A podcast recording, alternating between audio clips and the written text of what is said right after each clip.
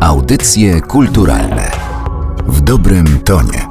Przy mikrofonie Katarzyna Oklińska. Dzień dobry Państwu. Dziś bierzemy na warsztat podcasty kulturalne. Dlaczego są? Czy ktoś ich słucha? Czy znamy konkretne liczby odsłuchów? Słowem, czy podcasty o wydarzeniach kulturalnych mają sens? Na te pytania odpowiedzą dziś profesor Jacek Wasilewski, medioznawca z Uniwersytetu Warszawskiego. Dzień dobry.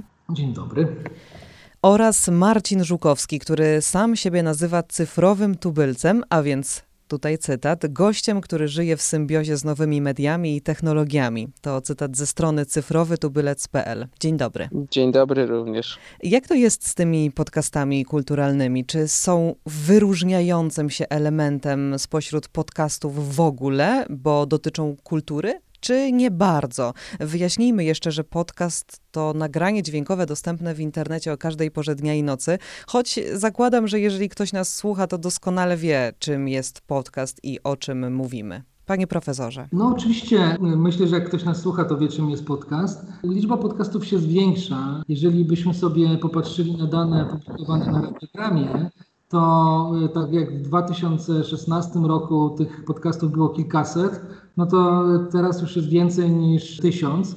I wynika to z tego, że my przez cały czas szukamy pewnych dogodnych form do tego, żeby korzystać z wiedzy albo żeby uzyskiwać jakieś informacje. I tak samo jak w pewnym momencie telewizja dla młodych ludzi zaczęła funkcjonować jako telewizja na żądanie, czy video on, on demand, no to tak samo jest e, z pewnymi radiowymi formami, które ludzie sobie wyszukują i chcą ich słuchać wtedy, kiedy im pasuje. To, co jest kluczowe w podcastach, jest to, że one mogą być dużo bardziej niszowe niż audycje, które mogłyby się pojawiać w radiu.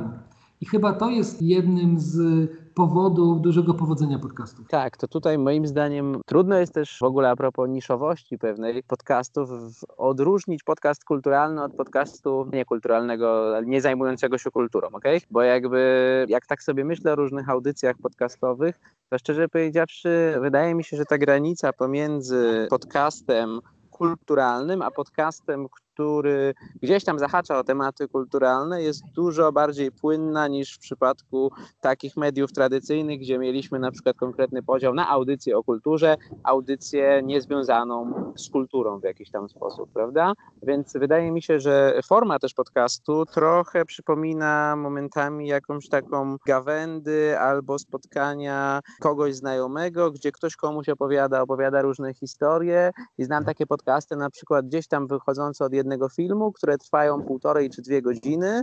Rozmowa z dyskusji na temat filmu gdzieś wchodzi w 50 tysięcy różnych odnóg i różnych dygresji. No i na coś takiego na przykład w jakichś mediach tradycyjnych miejsca bez pewnością nie było, a czy to jest taka typowa audycja o kulturze już, to też nie wiem. Trudno powiedzieć. Według jednego z badań z 2018 roku, co warto mieć na uwadze, bo mamy rok 2020, a w nowych mediach dwa lata to całkiem sporo, czytamy, że 44% Amerykanów słuchało podcastu, choć jednego w swoim życiu, 26% zrobiło to w zeszłym miesiącu, a największą grupę spośród tych osób, 32%, stanowią osoby między 24 a 54 rokiem życia, choć ci między 12 a 24 rokiem życia to 30%, więc bardzo podobnie. Co te dane nam mówią? Może pan e, Marcin Żukowski teraz na początek. Jednym z głównych problemów, który jest przed tym rynkiem, powiedzmy, było to, że jest mało danych, nie ma jakichś badań, nie do końca wiadomo, co jest miarą sukcesu takiego podcastu, jak to mierzyć, gdzie to publikować, gdzie słuchamy, jak słuchamy itd. Tak itd. Tak Trochę to się wszystko strukturyzuje i gdzieś tam y, idzie w stronę taką, jak zresztą pan profesor wspomniał i wydaje mi się, że to jest kierunek dobry, czyli trochę podcasty nie są wybitnym nowum, tylko są tak naprawdę kolejną formą taką, jak kiedyś była telewizja taka inna i i jakby te media gdzieś tam cały czas podążają tą samą ścieżką. Natomiast w Polsce w tym momencie y, przy okazji, przy okazji pandemii najpierw się pojawiły takie jakieś szybkie badania, które mówiły, że w czasie pandemii na przykład Polacy od tych podcastów odchodzą i słuchają ich mniej. Dlaczego? Bo mniej podróżują, mniej się ruszają, a gro ruchu w aplikacjach podcastowych idzie przez podróże, samochód, metro, autobus, rower, bieganie. więc to są takie powiedzmy miejsca, w których najczęściej z tych podcastów korzystamy, ale też z drugiej strony pojawiają się różne, różne głosy, różne badania i wyniki publikowane często przez podcasterów poszczególnych, którzy zauważają, że wcale tak nie jest, że ta liczba użytkowników, liczba słuchaczy im odpływa. Co też jest moim zdaniem jakby symptomatyczne, to jest to, że jakbyśmy sobie spojrzeli na rynek podcastów jeszcze 2, 3, 4 lata temu w Polsce, no to mhm. wtedy było tam bardzo dużo takich pionierów podcasterów, ludzi, którzy jakby swoją aktywność prowadzili w tym podcaście, a w tym momencie mamy już spore grono takich bardziej zinstytucjonalizowanych podmiotów, które prowadzą swoje jakieś audycje albo udostępniają platformy, na których podcasterzy mogą realizować audycje w jakichś partnerstwach i współpracach, więc z pewnością ten rynek się gdzieś tam strukturyzuje i pewnie będzie szedł dalej w tą, w tą stronę. Tak, trzeba się z tym zgodzić, ponieważ polskie dane z końca 2019 roku, a więc stosunkowo nie niedawno, chyba co do tego możemy się zgodzić, pokazują, że 27% internautów słucha podcastów, 65% z nich zaczęło ich słuchać w minionym roku czyli rzeczywiście ta liczba będzie rosła, panie profesorze. Ta liczba będzie rosła, bo podcast jest wygodniejszy, czyli podobnie jak rośnie udział takich rzeczy jak Deezer czy Spotify jako dystrybutorów muzyki, no to, to podcast jako pewien typ informacji, który może być przyswajany i wybierany dosyć łatwo, no jest dużo, dużo wygodniejszy niż e, kwestie radiowe albo niektóre spotkania, ponieważ czasami jest dużo fajniej wysłuchać podcastu, który daje nam pewien intymny kontakt z tym, który podcast robi, niż e, kiedy jesteśmy na spotkaniu, jest bardzo dużo osób, duszno i właściwie możemy dowiedzieć się tego samego. Mnie się wydaje, że, że my ciągle jeszcze gonimy Zachód, Czyli patrząc na to, jakie jest podcastami na Zachodzie i w Polsce, na przykład na Ukrainie, to na Ukrainie jeszcze te podcasty nie są tak popularne, a w Polsce jeszcze nie są tak popularne jak na przykład w Niemczech. Więc można powiedzieć, że e, im bardziej do nas będą te trendy zachodnie docierać, a będą, no to tym bardziej te podcasty będą popularne. Teraz wiemy, że w 2018 roku podcastów słuchało 800 milionów osób na świecie, a prognozy wskazują, że w 2020 2022 roku ta liczba przekroczy 1,5 miliarda. Źródła wszystkich cytowanych przeze mnie danych znajdą Państwo w opisie pod podcastem. Myślę, że to warto dodać. Te liczby no, są potwierdzeniem tego, o czym rozmawiamy. A jak panowie myślą, dlaczego podcasty kulturalne nie są tak popularne jak te branżowe z zakresu ekonomii, choćby czy, czy prawa? Czy możemy porównać ten trend do zasięgów, do oglądalności na przykład telewizji? Weźmy na warsztat telewizję na chwilkę. TVP Kultura versus TVP1. Kultura jest po prostu tematem niszowym i tak jak ten przykład telewizyjny pokazuje, TVP Kultura nigdy nie będzie miało takiej oglądalności jak, jak telewizja polska, program pierwszy, ponieważ no, dotyczy tematów, które nie są tak zajmujące jak treści, które prezentuje program pierwszy. Panie profesorze. Panie redaktor, to jest tak, że TVP Kultura po pierwsze ma dużo mniejsze budżety, więc w zupełnie inny sposób te treści produkuje. Po drugie, jeżeli mówimy o pewnym świecie kultury, to trzeba mieć zupełnie inny próg wejścia niż dla takiego typowego serialu. Czyli, żeby rozmawiać na temat poważnej wystawy, no to my musimy mieć jakieś wykształcenie, które pozwala nam przynajmniej zrozumieć język, którym operują dyskutanci. Natomiast my takiego progu wykształcenia nie musimy mieć, żeby oglądać ją jak miłość albo, albo jakiś inny serial. I to jest jakby pierwsza rzecz, że kwestie kulturalne dzisiaj są robione w Polsce bardzo środowiskowo i ta popularyzacja jest y, naznaczona pewnym takim strachem y, wobec przystępności, że y, że właściwie jak my będziemy mówić prosto o kulturze, to co coś się dziwnego nam stanie i korona nam z głowy spadnie. Przyjemniej jest pójść na wernisaż, i spotkać się z ludźmi, tak, gdzie można przeprowadzić dyskusję, niż wysłuchać samego podcastu, tak, bo to jest zupełnie inny rodzaj przeżycia. Zauważmy, że kultura wyraża się przez zmysły, czyli albo to są rzeczy, które widzimy, albo które słyszymy, albo których dotykamy. W związku z tym ona dużo gorzej przenosi się do internetu jako taka. A jeżeli chodzi na przykład o treści wiem, ekonomiczne w podcastach, no to jest to bardziej typ wiedzy, który bywa używany właśnie do rozwoju. To są trochę inne kwestie, które inaczej doświadczamy w naszym życiu. Tak, tak jak pan profesor mówił o tej kwestii pewnego wykształcenia, pewnej świadomości, która jest potrzebna na przykład do, brzydko mówiąc, konsumpcji wystaw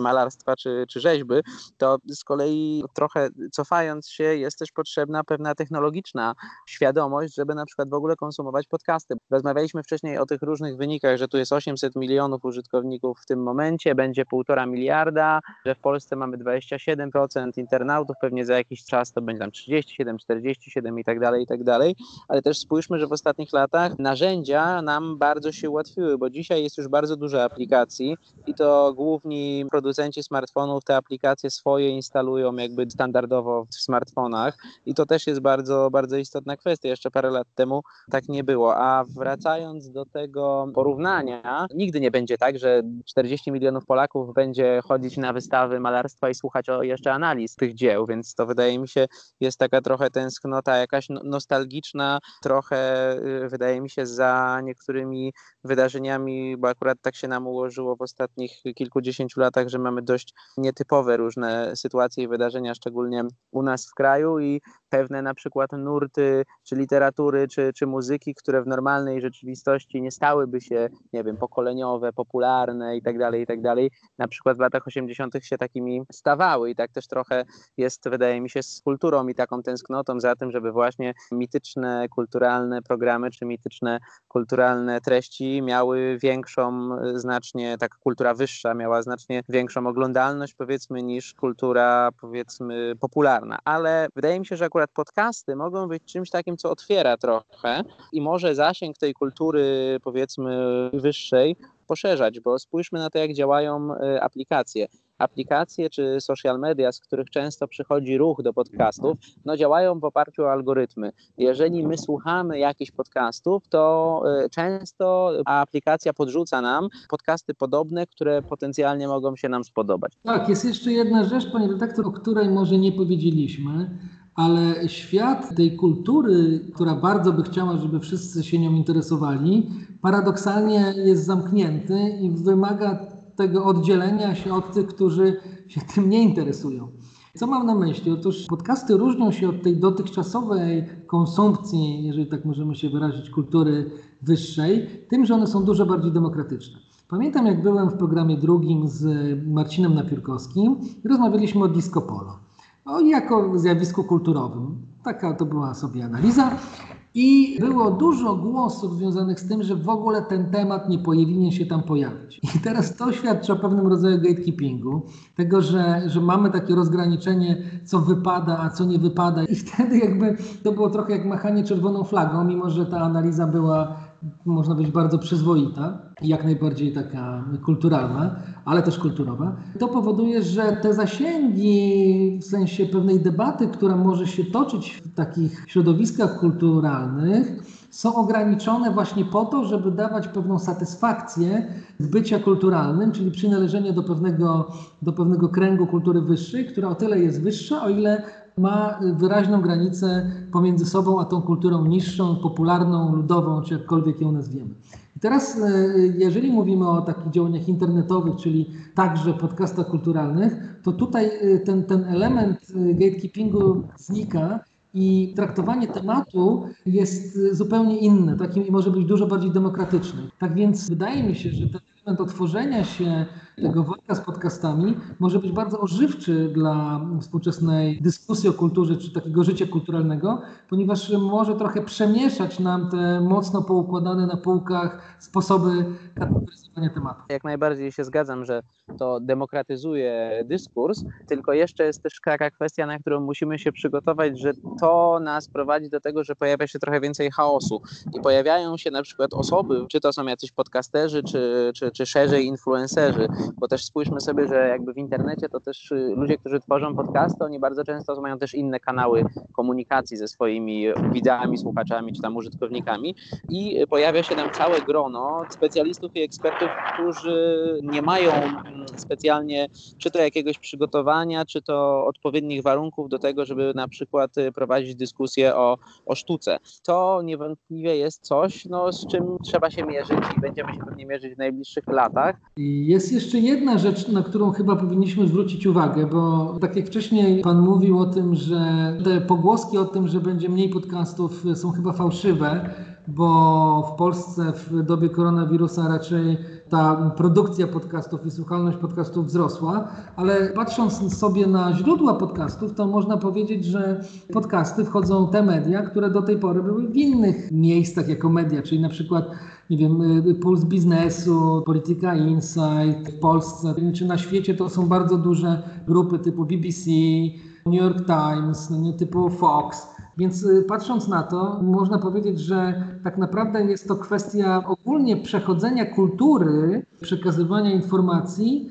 na bardziej ludzkie sposoby porozumiewania się, ponieważ jeżeli sobie zwykle siedzimy przy stole, to raczej jesteśmy przyzwyczajeni, że ktoś do nas mówi, a nie, że ktoś do nas pisze. Patrząc jakby na to, co jest łatwiejsze i bardziej naturalne, to właśnie to mówienie święci triumfy i wypycha trochę blogi. Jest dużo mniej blogów, na rzecz podcastów. Może inaczej, nie, tyle jest dużo mniej, ale, ale przyrost podcastów jest większy niż przyrost blogów. Ja mam nadzieję ze swojej strony, że ta tendencja wzrostowa, jeśli chodzi o słuchanie podcastów, będzie się utrzymywała, a same audycje kulturalne, które tworzymy tą właśnie rozmową, istnieją od 2014 roku i zapewniam i panów, naszych dzisiejszych gości i państwa, że staramy się być nie elitarni, a jak najbardziej egalitarni.